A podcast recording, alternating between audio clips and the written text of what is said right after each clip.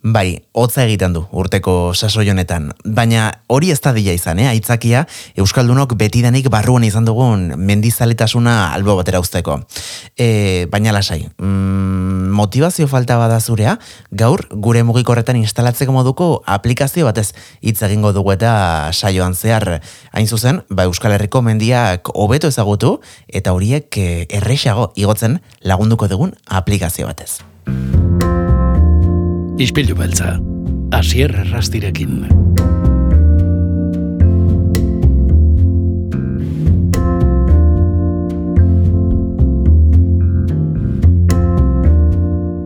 Asier, sarasua, ongito horre gure izpilura. Kaixo, kaixo, eskerrik asko.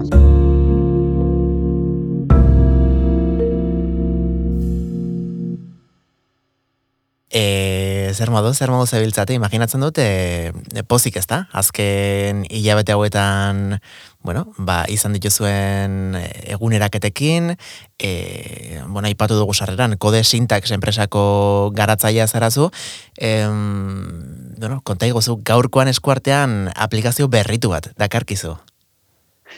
E, bai, alaxe da. E, mendiak aplikazioaren inguruan e, hitz egingo dugu, eta ba, aspaldik aplikazioa da, 2000 eta maseikoa, zazpi urte ditu daueneko, eta hori bada zerbait e, aplikazio bat entzat. Eta orain aurten egin duguna da, eguneak eta iaia oso bat. E, batez ere alderdi, e, alderdi pribatu, hau da, e, azpiditura teknikoa, eta kudeak eta eta bar erabat aldatu ditugu, baina itxuraz ere, ba, zertxo aldatu da bai. Batez ere hasierako partea eta ba, desiente aldatu da. Oraintxe hitz egingo dugu, bueno, ba, e, ekarri dituzuen aldaketa guzti horien inguruan, baina lehenago ziur e, gure entzulen artean despistaturen bat e, egongo da, eta konta iguzu, e, zer da 2000 eta masai garren urtean e, argitaratu zen uten hau? Bueno, eh, azken baten da, Euskal Herriko mendien eh, informazioa ematen duen eh, aplikazio bat. Eh, informazioa ematen du, hau da, Euskal Herriko mendien datu base bada, eh, gure lurraldeko mendi guztiak erobentzate garrantzitsuenak eh, biltzen dituena, eta gainera da, erabiltzaien zat, eh, egin nahi genuen aplikazio erabilgarri bat, hau da, ba, norbere igoerak markatzeko aukera izatea, mendira joan eta txek bat hau igo dut. Eta eta gero informazio guztia norbere igoeren informazio guztia jasoko duen ba estadistikak eta historiko eta ematen dizkizu tresna horrek. Eta gero partekatzeko aukera eta beste batzuen igoerak ikusteko aukera eta barrez baina batez ere hori alde batetik informazioa ematen du Euskal Herriko mendien inguruko informazioa eta gero norbere igoerak eta mendi bilaldiak eh, markatzeko eta gordetzeko eta estadistika jasotzeko aplikazioa da Eta imaginatu bihar guk aizkorrira jo nahi dugula. E, izango genuke aizkorrira igotzeko, bueno, ba, ibilbide ezberdinen inguruko informazioa, e, mendiaren inguruko datu ezberdinak? Oraingoz guk eh, saiatu ginena zan e, aplikazio nahiko simple egiten. Hau da, e, badaude beste aplikazioak, mendiko aplikazioak, bat denok ezagutzen ditugu mundu mailakoak, ez? Badago batez ere Wikilog, e, ibilbideak ematen dizkiguna, Strava, mendi bialdiak eta markatzeko eta iraupenak eta orduan guk ez, ez genuen nahi hoien pareko zerbait egiterik, ez? Nei genuen zan, e, behar bada beste perfil baten dako eta gauza simple bat, hau da, erabiltzailearen erraza izan daiteke zerbait, eta beste perfil batentzat, ez? Hau da, mendian lasterketak egiten eta egunero e, hogeita mar kilometro egiten dituenaren zat, horientzat badaude dagoeneko beste tresna batzuk, ez? Eta hau gehiago zen, ba horixe, ba, ikusten genuen lalako, e, Euskal Herriko mendien pentsa mendizalea gara la euskalduna eta Euskal Herria mendizaletasuna ba era bat errotuta dago, ez? Gure sustraietan dago. Eta hala ere, e, bai liburu, bai webgune, bai aplikazio gehienak gaztelaniaz dira. Edo erdaraz dira. Eta eta nahi genuen azan aplikazio e, simple bat, Euskal Mendizale arruntenentzat, familientzat, e, asteburuetan irtetzen diranentzat eta euskaraz izatea. Orduan, e, galdera itzuliz, e, aizkorria egotzen baldin mazara, bai, e, aizkorri fitxa daukazu, aizkorriren informazio e, e, pixka daukazu, nondik igotzen den, iraupenak eta informazio orokor bat ere e, badaukaku webunean, eta gero egiten duguna da, ibilbide ohikoena markatu. E, Ka, mendi batzuetan nahiko garbia da zein den e, igoera ohikoena, beste batzuetan, ba, gorbeiara esate baterako, ba, bizkaitik edo arabatik, nongoaz, e, zaren, ba, horren arabera aldatzen da, ez? Baina, bueno, pixkat informazio orokor hori badago. Eta mendik gehienetan, mendik garrantzitzu gehienetan, ba, trakare badago, ibilbide nagusia zein den, eta iraupenak, eta zenbate kilometro, zenbat tardatuko du nigutzen igotzen gutxi gora bera, baina oso informazio orokorra da ezain beste ba, denporetara eta iraupenetara eta lasterketetara eta bideratuta, bideratutako. Ez gehiago da familia mailako, eromentizale arrunton e, e, aplikazio bat. eta, eta, bueno, zuk esan duzu moduan, ez? Osondo dago horrelako alternatiba euskaldun bat e, bueno, ba, proposatzea edo eskaintzea, ez? E, herritarroi eta ez beste lehiatzea mm, multinazionala erraldo jauekin, ez? E, aplikazio horiek e, mm, kostata gainituko dituelako inork eta pixka bat horren osagarri izan daiteke ezta, e, mendiak aplikazioa eta agian beste publiko batentzat ere bideratuta egon daiteke. Ni adibidez, enaiz berezeki mendizalea, baino gustatuko litzai da kaizu, ba asteburutan igotzen ditudan mendi guztien erregistroak eta e, bueno, nolabait ere ba, e, ikustea, ba, aizu, iru errege maila nondik igo daiteke, nondik igotzen da jendea. E, zema metro dauzka, ez? E, informazio, oinarrizko informazio hori ere, askotan, e, beste aplikazio superkomplexu hauetan, baiaia e, zaila ere izaten dena aurkitzea. Bai, justu hori izan zen eh, asmoa. Eh? E, ez horren beste dagoeneko eginda dauden beste aplikazio batzuen kopia egitea eta Euskal Herriera ekartzea, ze horrek zentzu ondirik ez du. Gehiago zen, e, zuk aipatu duzuna, e, erabiltzaile arruntei e, Euskal Herriko mendi guztien informazioa ematea euskeraz, eta bazeukan ere, eta badauka, e, mendizaletasuna sustatzeko ere erreminta bat izan zedien, ez? Hori zen gure helburuetako bat. E, guko dezinta zen, ba, webuneak eta aplikazioak egiten ditugu, ba, orain, ba, egunean behin da behar bada ezagunena, baina orain mm mil, milu zerena egin dugu, apai ere orain eguneratzen eta aurkezpenak egiten ari gara, eta beti horrelakoak askotan sortzen ditugu gure, ba, batzutan, e, bezeroren batek eskatu, eskatuta, baina bai, egunean behin, ero apai, eta orain mendiak, ba, gure, gure pixkat ikasteko, gure enpresan ikasteko eta gure zaletasunek bultzatuta egiten ditugu, ez? Eta ba, mendizalea gara gutako batzuk eta horrela sortu zen, ez? E, gure beharrei egokitzeko moduko aplikazioa da. E, beraz, e, publiko zabal bat entzate ere enfokatua dago, bai familientzako, baina baita ere, bueno, ba, mendian desenti biltzen zareten ontako. Bai, bai, berez, berez edo norentza da, ez? E, esango nuke horrelako aplikazio horik ez dagoela, ez? Hau da, e, Euskal Herriko mendiak igo eta e, apuntatu eta esaten dizuna ba, hau ez dakiz emataldi zigo duzun eta urten ez dakiz mendi igo dituzu eta eun, eun mendien lehiaketan dagoeneko ginde dituzu iru eta mazazpita. Bueno, ba, nik uste dute estadistika horrek e, historiko hori eta igote, igora guztien argazkia gordetzea eta horrek ere ematen diola balio. Eta hau da, erabilgarritasun badaukala eguneroko mendizale, edozein mendizale entzat. Eta zuen webunean ere aipatzen duzu ez, e, biskat mendizaletasun hori ere sustatzea bada helburuetako bat, eta, e, bueno, aipatu dituzun e, erronka hoiekin eta mm, nola baiteren motivatuta sentitu daiteke ez, bat baino gehiago.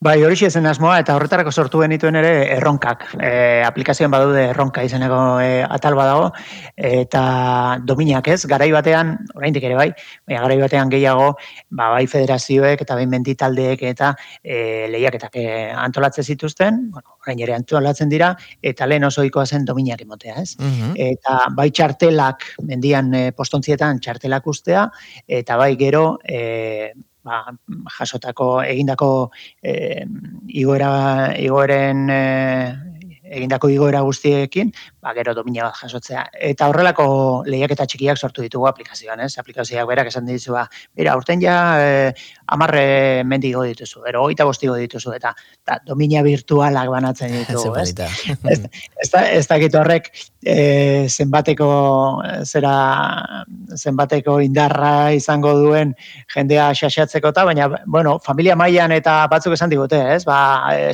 bekin, batez txikienekin, eta mendira joateko, eta, beira, igo ditu zazpi, eta, venga, amar, eta domine eman digute, eta, ba, ba, horrelako, bai, ba, mm erronka txikiak dira, eta, eta, tira, ba, gure laguntza txikitxoa eskaintzen baldin badio mendiari eta mendizaletasuna sustatzeko e, gure lan apurra egiten baldin badugu, ba, guposik.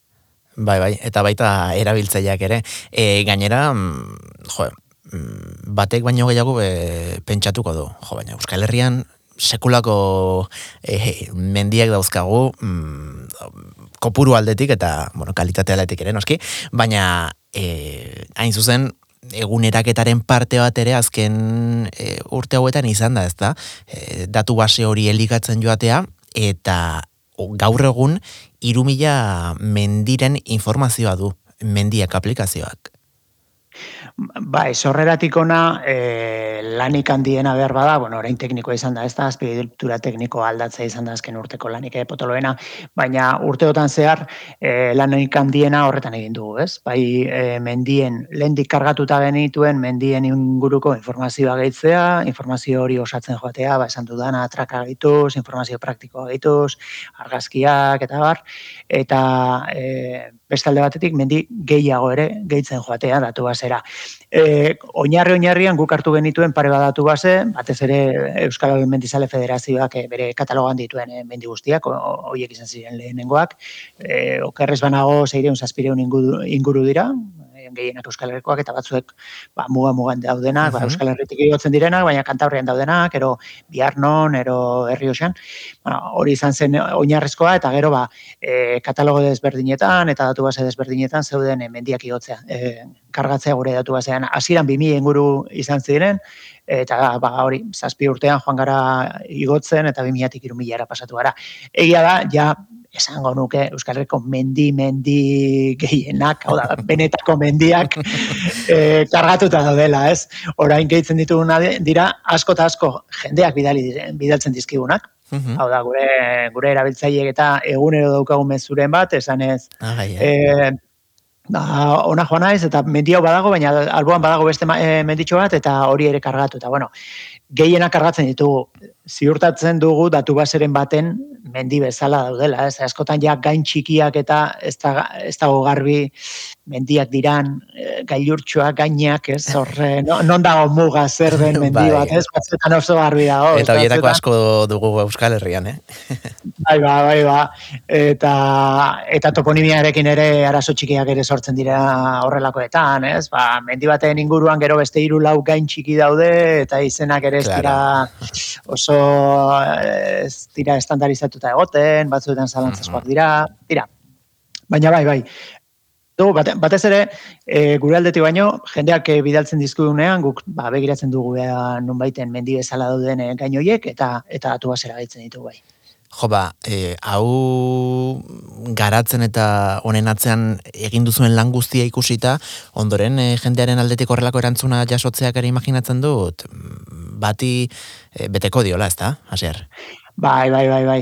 Eta egia esan, e, feedback de xente jasotzen dugu. Beste aplikazio eta webune batzuekin baino gehiago, eh? Jente asko ke bai, idazten du, ba, edo batzuetan eskaera txikiak egin, ba, hau ere ondo ongo litzateke hau ere garatzea, edo, ba, honek faiatzen du, eta, ba, testin lana ere egiten digute, ez, ba, hemen egoela hau egin dut, eta, eta honek faiatu dut, eta, bueno, horrela konpontzeko aukera ematen digu, ero batez ere hori mendik gehiago, e, gehitzeko eskaera ginez, eta bai, bai, e, egia esan nahiko feedback e, e, ona daukagu e, mendizaleekin eta erabiltzaileekin, eta gainera kuriosoa da, eta horretaz e, posi gaude, jasotzen ditugun e, mezu asko, ez dakite eunekoa esaten euneko gehi ero berroi dira, baina gaztelaniaz dira. Eta horrek ere posten gaitu ez, guk euskera utzezko aplikazio bat egin nahi genuen, euskera utzez dago, baina saiatu ginen e, euskara gutxi jakinda, hau da, ulertuta, nola baitu ulertuta ere, erabilgarri izan zedin e, aplikazioa. Eta, jo, ba, jasotzen ditugu mezuen asko-tasko, e, gaztelaniaz izatea, esan nahi du, ba, elburu hori pixka lortu benuen, ez? Hau da, e, euskaraz itzegin edo idazteko gaitasunik izan ezarren, ba, erabiltzen dutela aplikazioa eta hori guretzat oso posgarra izan da.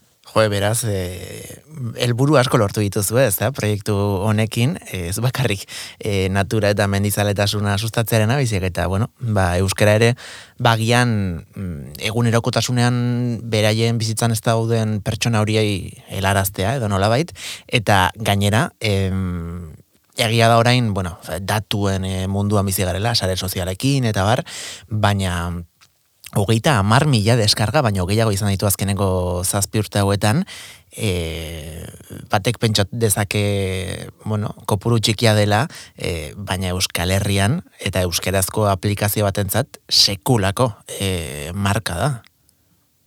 E, bai, marka polita da, eh, marka polita da, e, aplikazioen munduan da bienak, badaki euskara utzezko aplikazioak eta, bueno, ba, salbu espenak badaude ez, eta batez ere, ba, eh, ez dakit, eh, bueno, egunean behin bera izan da, salgu espen bat, ez dakit, egun da kamilaka eh, deskarga dituena, ez? baina salgu espenak dira, ero, gero ba, erabilgarritasun ondikoak direnak, eta berroa da ikastetxetan ere erabiltzen direnak, eta e, bestela, amar mila deskargatik gora pasatzea Euskara Utzesko aplikazio batekin, ez da errazi izaten. Ez? kontrakoa ere lortzen da Euskara Utzezkoekin, eh? mesua jasotzen ditugu, porque no está en castellano, eta horrelakoak ere sarri jasotzen ditugu, eh? Eta, eta dendetan, e, e, izar bakarra jartzen dutenak esaten, muy bien, pero no está en castellano, eta izar bakarra jartzen dizutena dendetan, ez? Olakoak ere jasotzen dira, eh? baina, bueno, zein digu daturik ez dugu emango, baina e, jendeak jakingo balu Euskal Telebistak e, eh, ETB batek zanolako audientzia duen egunetik egunera, e, ikusiko genuke hogeita marmila deskarga izugarri dela. E, Euskal Herri mailan gainera zuka ipatu duzun moduan, beharrezko beharrezkoa ez den e, aplikazio batentzako ez da, e, nola bait, e, enpresa munduan edo hezkuntzan edo erabiltzen ez delakoa, isira mugatuta dagoen zerbait delako e, zuena, eta gainera, e, aipatu dugu pixka bate, bueno, ba, nola mm, baduen informazio asko eskaintzeko boterea e, aplikazionek, baino hortik aratago ere, e, bueno, egin txiki batean, bada ere, sare sozial txiki bat ez da, e, egun da, hogeita bos mila e, mendigoera e, markatu dituztelako mendizaleek, eta egun da, amar mila irudi igo dituztelako hauek.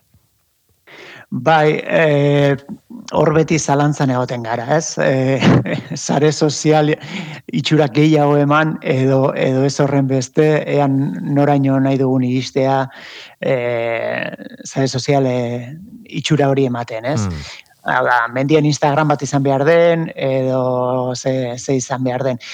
Egia da, erabiltzaien aldetik ere, jaso izan dugula, olako gauzak olako eskaerak eska, e, jaso ditugula, bat izan da historikoa ba, e, lagunak markatu alizatea, hau da e, mendizalen artean, badatu zen daude mendizalen artean, ba, zure ezagunak eta markatu alizatea lagun bezala, eta orduan ba, beraien igoerak eta automatiko jasotzea, eta garapen hori ere azkeneko uste dut arte, urte hasieran ero egin genuela, 2023 hasieran, 2022 bukaeran eta orain ba hori lagunak markatu daitezke eta orain jakina azpenak ere jasotze dituz, ba, lagun egiten baldin bagarago, eh gutako batek mendi bat igotzen duenean, pipi besteari ere saltatzen dio argazkiak eta beira, hasier hemen egonda eta bere argazkia, ez?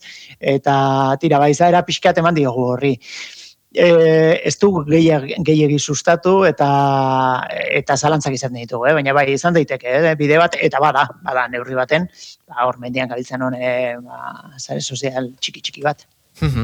e, galdetu neko nizuke hasier, claro, e, zuek kode sintaxetik egiten duzuna da, mm, kasu honetan proiektu hau, bueno, ba, mai gainean ipini eta ejekutatu ez da, e, sortu.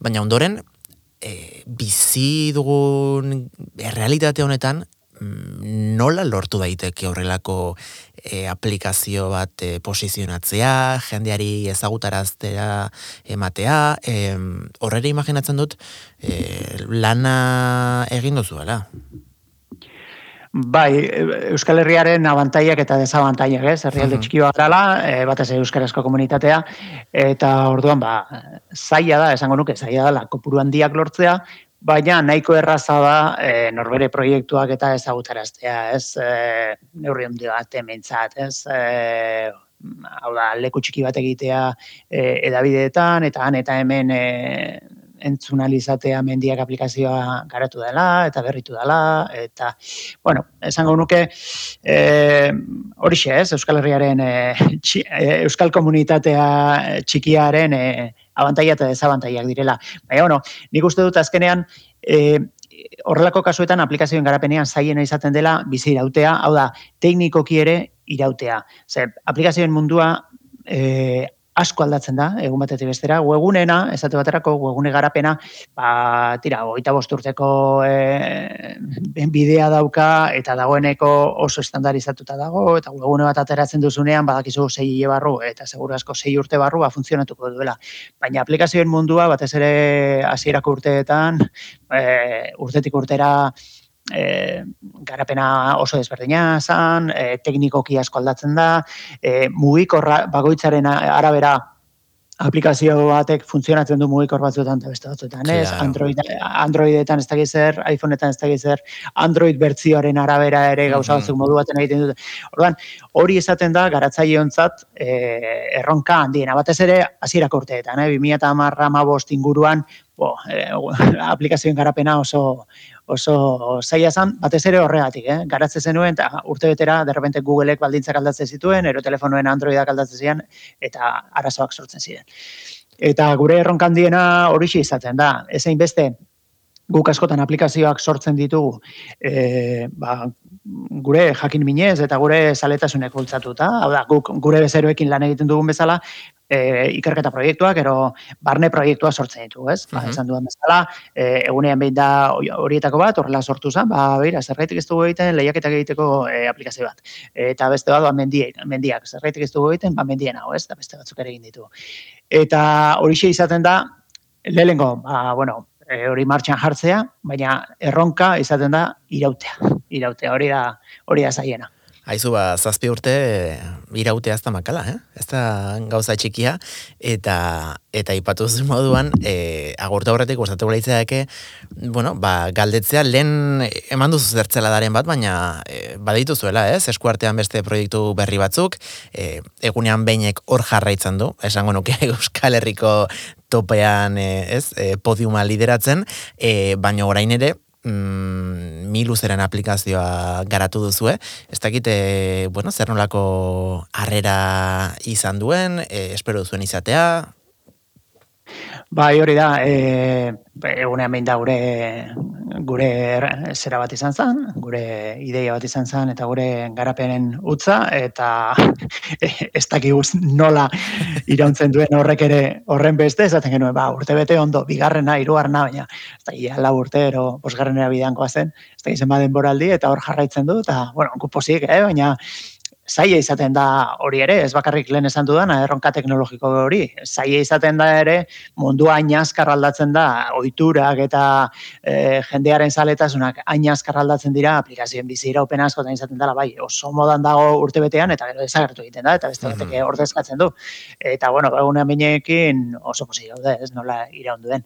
Eta gero, e, orain eskuartean, azkeni asteetan eguneratu ditugunak, edo argitaratu ditugunak, dira alde batetik aipatu duzun hori, miluze, hori enkargu bat izan da, ITB-ren eh, enkargu bat izan da, eta hor, guri polita iruditu zaiguna da, e, ba hori ez, nola lehiatzen duten grabatutako, orain dela egun batzuk, grabatutako miluzeko lehiakideek, e, etxean, zuzenean, e, ari direnekin, ez? Ba, bueno, erronka txiki hori eta eta e, zu, e, telebistako saio batean zuzeneko partidak etxetik jokatu alizatea eta nik uste dut horrek badaukala bere bere puntua, ez da? Ez da askotan egin den horrelako. Hmm, bai, oso berritzaia dela, ez? Esango nukea. Esango nuke bai ez, ba, egongo dira seguru mundu mailan e, horrelakoak, ez? Baina, bueno, lehiaketa baten eta etxetik lehiatu alizatea batez ere, ez denean zuzenean, ez? Horre, hori zen pixkate erronka, ez? Nola lotzen ditugu grabazio bat eta zuzeneko etxetik zuzeneko. Claro, claro. Eta, bueno, ba, ba nik uste dute posik den gaudela baigu, bai e, e, miluze, e, egindako lanarekin, eta baia, jarraitzen duen. Eta gero, azken egunetan e, eguneratu dugun beste bat, izan da API. API da IKA praktikatzeko orain dela pare bat urteatera genuen aplikazio bat, hasieran oinatiko udalak e, sustatuta eta bere babesarekin eta diru laguntzarekin eta sortu genuen. E, badi dugu euskara elkartea da gorren atzean, ahotsak Euskal Herriko ahotsak proiektuko ahotsa.eus e, webunea daraman e, lantaldea, elkartea. Eta eurekin elkarlanean egin duguna da, ba, ba, pixkat eh, lehiak eta eta alderdi gamifikazio eta alderdi ludiko hori eta e, erabiliz, ba, ika praktikatzeko aplikazio bat. Atera genuen oinatiko izkeran e, adizkiak eta ikasteko, e, gero atera genuen e, euskera batukoa, orain dela urte bete, urte terdi, Eta orain aste honetan atera dugu Eibarko ika e, ikasteko modulua, Eta datorren astean e, aterako ditugu Leintz eskualdeko beste lau herritako moduluak. Arrasate, Aritxabaleta, Eskorietza eta Leintz gatzako IKEA praktikatzeko eta ikasteko moduluak, ez? Orduan eskuartean izan ditugunak, e, pixkat, udazkena horretan izan da e, lanpetu eta ibili gara, ba, oi guztiak ero argitaratzen, ero eguneratzen ibili gara, ez? E, mendiak, apai, miluse eta egun Beraz, bueno, aspertu ez gara Claro, hori, hori esan behar nizun. E, ziur, gero barrutik, e, sekulako buru usteak e, izango dituzuela, egunerokoa gogorra izango dela, baina, jo, kanpotik begiratuta, e, zepolita ez? Bueno, niretzat behintzat, eh? E, zepolita zuen lana, izu. Bai, bai, bai, batez ere horrelako proiektuekin, ez, gero, ba, augure lanaren zati txiki bada, ez? Claro, eta, korporatibak, eta...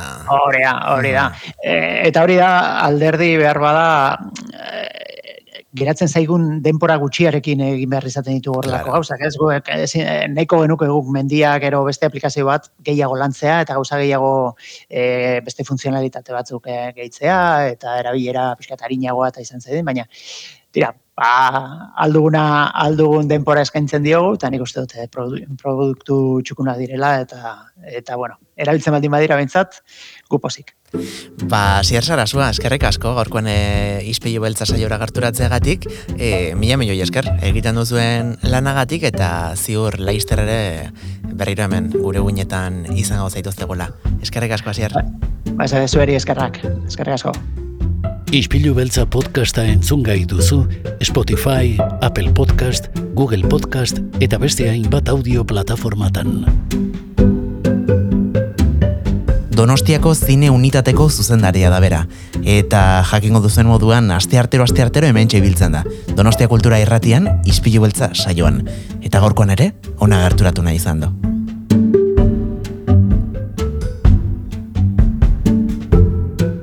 Josemi Beltran, ongiet horre gure izpilura.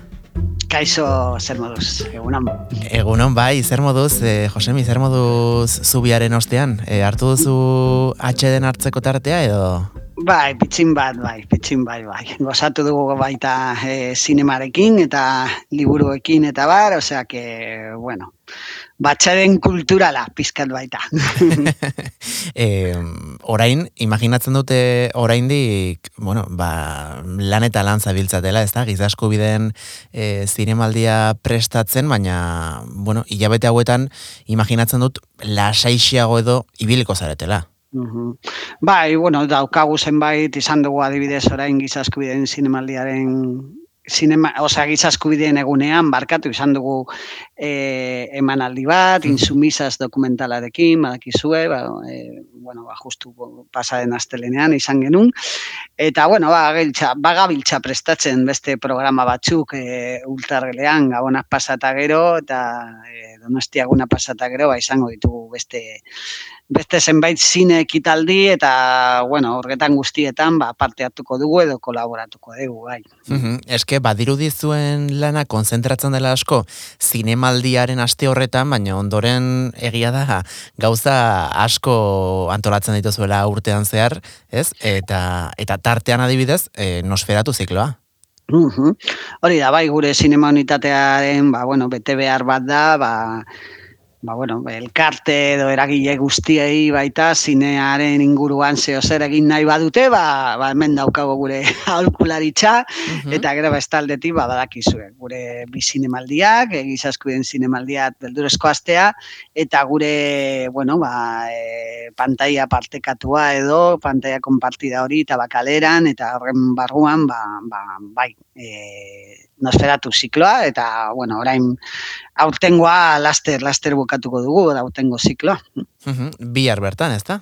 Hori da, hori da, bihar bertan badugu Bueno, azkenengo emanaldia, e, Frantziari bota diogu begira da, aurten, genero oso popular batekin, e, poliziakoa, edo polarga, edo sinema beltza, bueno, ba, e, oraindik ez gaude oso ado, zea segizena jarri behar diogun, asuntoari, bueno, ba, baikoitzat deitu, deitu, deitu, nahi, nahi, nahi dun bezala, E, baina badakigu zertan zertan hitz egiten ari garen, e, bueno, ba hori, ba sinema hori batez ere 70 amarreko amarkadako e, sinema Frantzian inspirazioa e, estatu batu bateko elebergi beltzetan eta sinema beltzan zegoen, baina Frantzian ba bere kutsua eman zioten generoari eta eta bueno, are gehiago, gero e, estatu batuetan ere kopiatu zen Europako Europako generoa eta genero honek sortu zitun bere ikono propioak eta bere eroi propioak baita. Hm? Eta, bueno, lan horren erakus leio izan da, tabakalera izan da nosferatu zikloa, gutxo gora bera biharkoa, biharko aipatze, aipatu duzu azkenekoa dela, ezta? Aurtengo zikloari dagokionean, e, kutsu gora bera, hogeita amar film proiektatu dira urte osoan zehar, amabile bete hauetan, e, atzera begiratuta orain, imaginatzen dut, bueno, ez dakit guzti guztiak, baina gehienak zuk ikusiak izango dituzula. Ba, bueno, nik e, batzuk ezagutzen ditun alde aurretik, beste batzuk izan dira niretzat baita ere topaketa bat, e, e, ba, publiko guztiarekin batera, eh? saiatu naiz e, pantai handian deskubritzeko, no, batez ere batez ere deskubritzea pantai handian, eh? lehenengo aldiz, e, baina, baina askotan endun ezagutzen, askotan, bueno, ba, hau esalako zikloak gure ere dira itzaki bat. Eh? E, ikasteko eta... ikasteko eta argibitziak aurkitzeko, eh? edo e, bueno, ba, ikonografikoenak edo ezagutzen duzu, edo ipagarrienak, baina gian beste batzuk ez, eta bueno, horretarako daukagu baita e, aulkularitza polita, e, batez ere e, bueno, ba, liburuen egileen aldetik. Mm, e, bat, badakizue, ba, nosferatun beti argitaratzen ditugu bi liburu, bat euskaraz eta beste bat gaztelaniaz, eta liburuaren arira ba, osatzen dugu normalean e, zikloa, e, prozesua, normalean liburuen prozesua urte bat lehenago azten da. Ah, uste nuen alderantzi zela.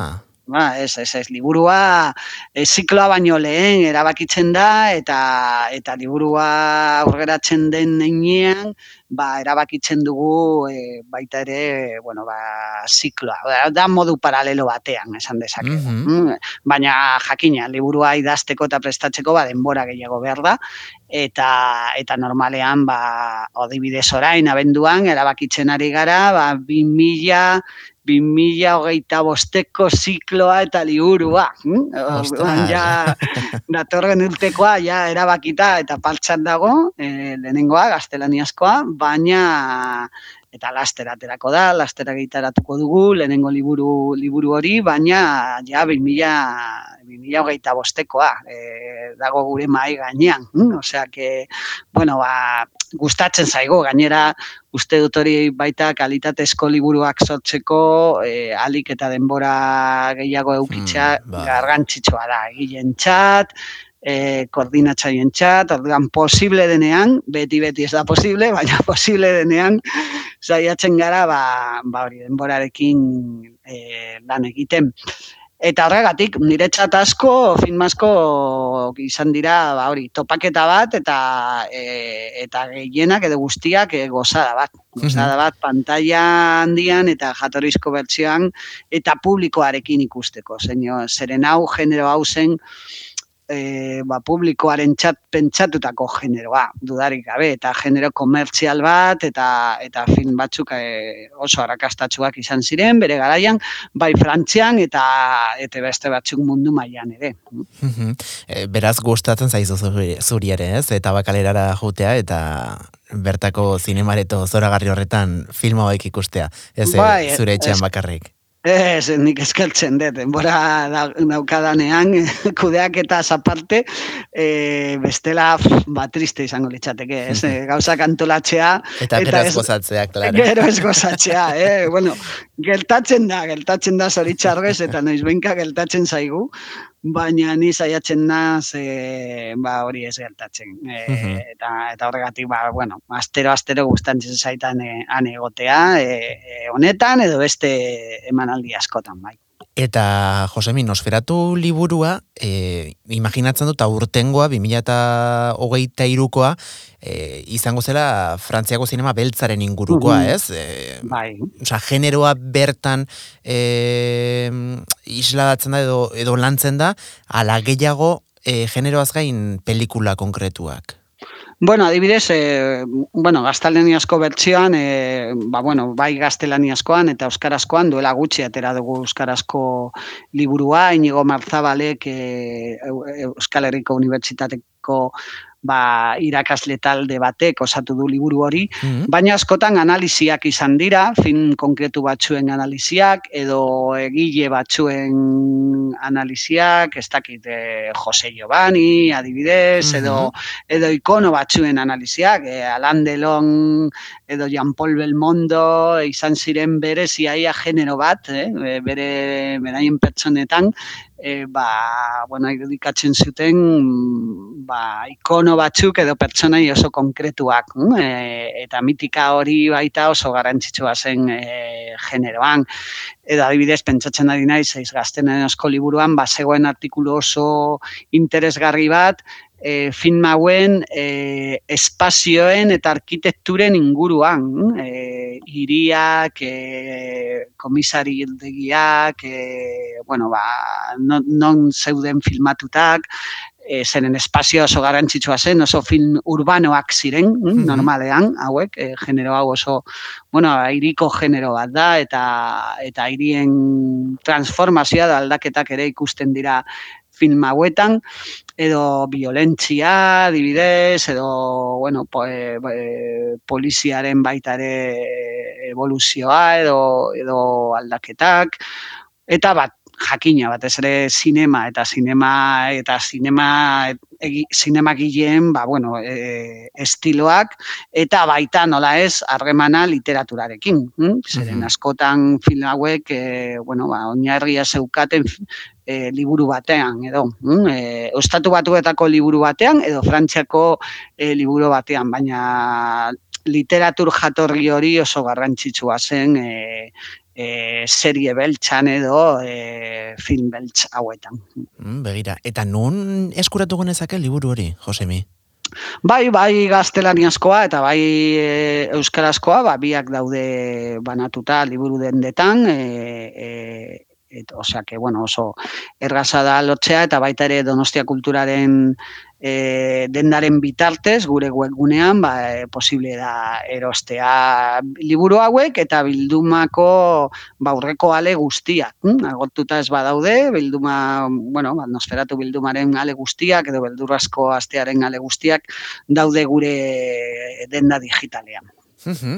Eta, bueno, bihar izango da, pixka bate ziklonia gurresateko mm. eguna, zer topatuko dugu tabakaletako pantalla handian? Bueno, ba, e, frantzeseko izenburua da kanikul, e, kanikula edo, esan dezakegu, ez? Mm -hmm. e, bero, bero aldia, esan dezakegu horrelako zeo zer, e, estatuan Espainian izenburu esan zen dia de perros, mm? irudikatzeko zemotarako esperientzia izaten duen protagonistak, eh? e, Lee Marvinek berak, eh? aktoreak, aktore estatu batuetako aktoreak, eta izboa ze da zuzendaria, mila bederatzireun larrogeita lauko, larrogeita e, lauko filma da, eta honetan izboa zetek e, elkartzen ditu pizkat e, ba, frantziako generoa eta estatu batuetako mitika. Hm? Zeren, mm -hmm. honetan da lapur bat, mafioso bat, e, Amerikako gangster bat, baina arlean zen, frantziako herri batean, ba, e, bueno, ba, lapurketa bat egiten du eta eskutatzen da e, granja batean edo frantziako, bueno, ba, riska batean. Hm?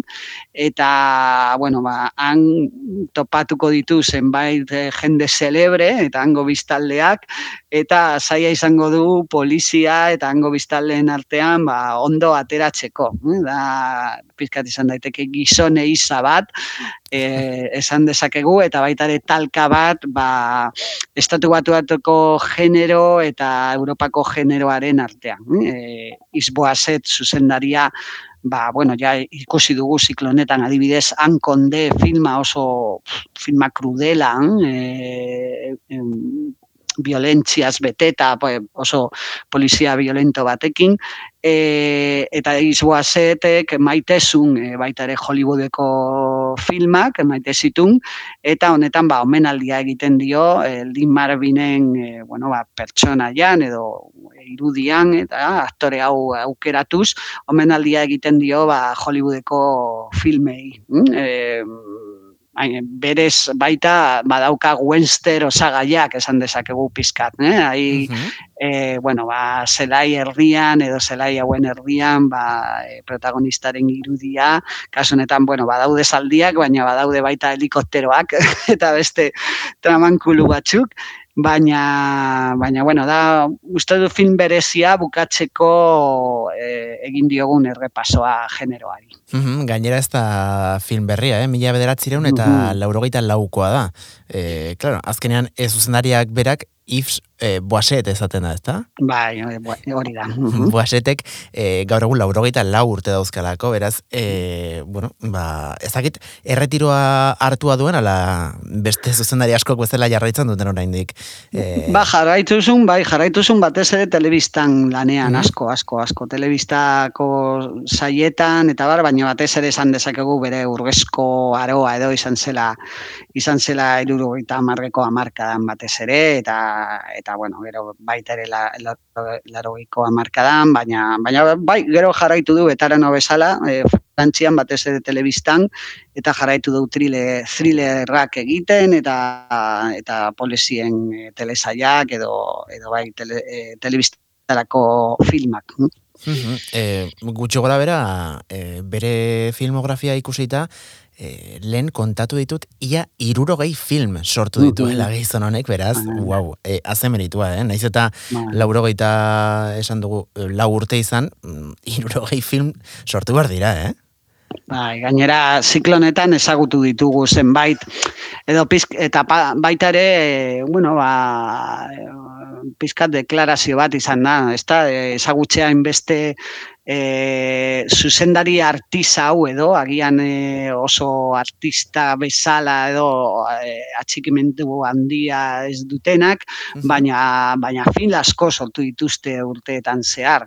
Eta ziklonetan, frantzeko e, ziklonetan, generoan, ba, ba, bueno, baloratu dezakegu hobeto hau esalako langileak, eh? langileak askotan estilo batekin baita, ez bakarrik ez da beharrezkoa izatea bentan tabernie bat, edo destoki jan genua, edo, edo Jean-Pierre Melville, bai, horiet dira garantzitsuak, eta egon dira gure, gure zikloan, baina beste batzuk, e, Iboase bezala, edo Jos Lonet, Jas Dege, Alain Corno, Andri Berneil, askotan errepikatu dira, zikloan zehar, e, askotan, bueno, film bat baino gehiago programatu dugu zikloan, eta beste batzuk e, bi film baino askoz gehiago zeukaten generoaren barruan. Genero honetan eta beste batzuetan, baina beste genero batzuetan, baina bai batez ere poliziar e, genero honetan ba, ba, bueno, e, lan eta asko asko lan egin zituzten eta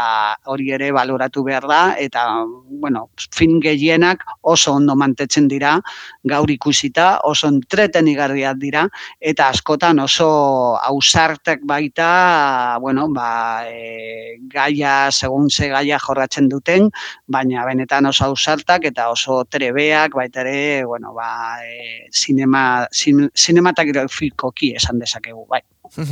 ba, film honekin agur esango diogu aurtengo Nosferatu zikloari, urrengo urtekoaren inguruan ezin diguzu ezer aurreratura indik ezta? Bueno, esan dezaket oso, espero dugula baita oso entreten izatea eta oso popular izatea baita eta eta ikuskizun bat ere izango dela. Eta e, denbora tarteari dagokionez, ba ez dago oso urrun e, e, genero honekin, e, frantzeko generoarekin, e, komentatu dezakegu. Antzeko, antzeko urteetan burgilduko garela. eta gaiak... E izen hau ezagututa nosferatu berez, e, ez dakite rumanieraz edo vampiro esan nahi du ez da? bai, hori da, e, bai. Imaginatu genezake, behintzat, e, generoa, e, komedia eta maitasunagian ez dela izango, ez? Bueno, maitasun bueno, agian, bai, beste... Bai, bai, komedia esan, desak, esan, dugu, izan dugu, ja, esan dugu adibidez estatu batu batako komedia zikloa esan genuen, eskribal komedi bere garaian, komedia musikalari baita dedikatu genion e, beste nosferatu ziklo bat. Ah, bai, eh? Bueno, akizue nosferatu, Nosferatu zikloa berez du izen hori, e, zeren lehenengo zikloa, e, mila de atxireun lagoita marre, amaikan gutxi gora bera, izan zelako e, Alemaniako espresionismoaren inguruan, hm? eta horregatik nosferatu zegoen e, ba, lehenengo emanaldien artean, eta horregatik gelditu zain ja nosferatu ah. izena, izenarekin, ja da ba, kontu tradizional bat esan dezakegu. Vale, vale. Ezagutzen ja horrela, bilduma nosferatu, ziklo nosferatu, baina, baina horrek ez du baldintzatzen e, gaia edo, edo irizpideak e, ah, vale, programatzeko. Uste nuen beldurrarekin, tentsioarekin, ez? Zerrilerrarekin pixka lotua zegoen ziklo bat zela, baina... askotan ere atseginagoak izan dira, esan dezakegu. bueno, ba, baizu, ba, irrikitan egongo gara, e, urtarrilean, e, bueno, ba, urte berriarekin batera zuen irgarpena, a ber, noiz iristen den, eta kontatuko dugu hemen izpeio beltzan. Josemi Beltran, e, eskerrik asko, urrengo astean oraindik hemen izango zara, gauren aurretik, beraz, bueno, e, urrengo astean... E, Ba, eh, komentatuko dugu, hori da, ja, hori da, agurtuko dugu urtea, eta... berriak, bai. bueno, ba, Josemi, eskerrik asko, eta eta aste hona izan. Mi aske ez, bai, agur. Ba, tira, gure aldetik besterik ez, eskerrik asko, aste arte honetan ere gurekin bat egiteagatik, gubi harritzuliko gara goizeko seiretan zure podcast plataformako txunenera, eta goizeko zortziretatik aurrera Donostia Kultura irratira.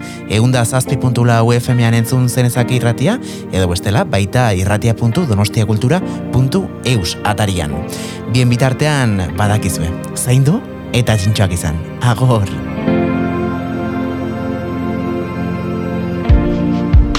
Ez dut inoiz lorerik Jamaina osabaian lurra Izan dut batzutan Ez aitzik ez duenik Ametxandiaren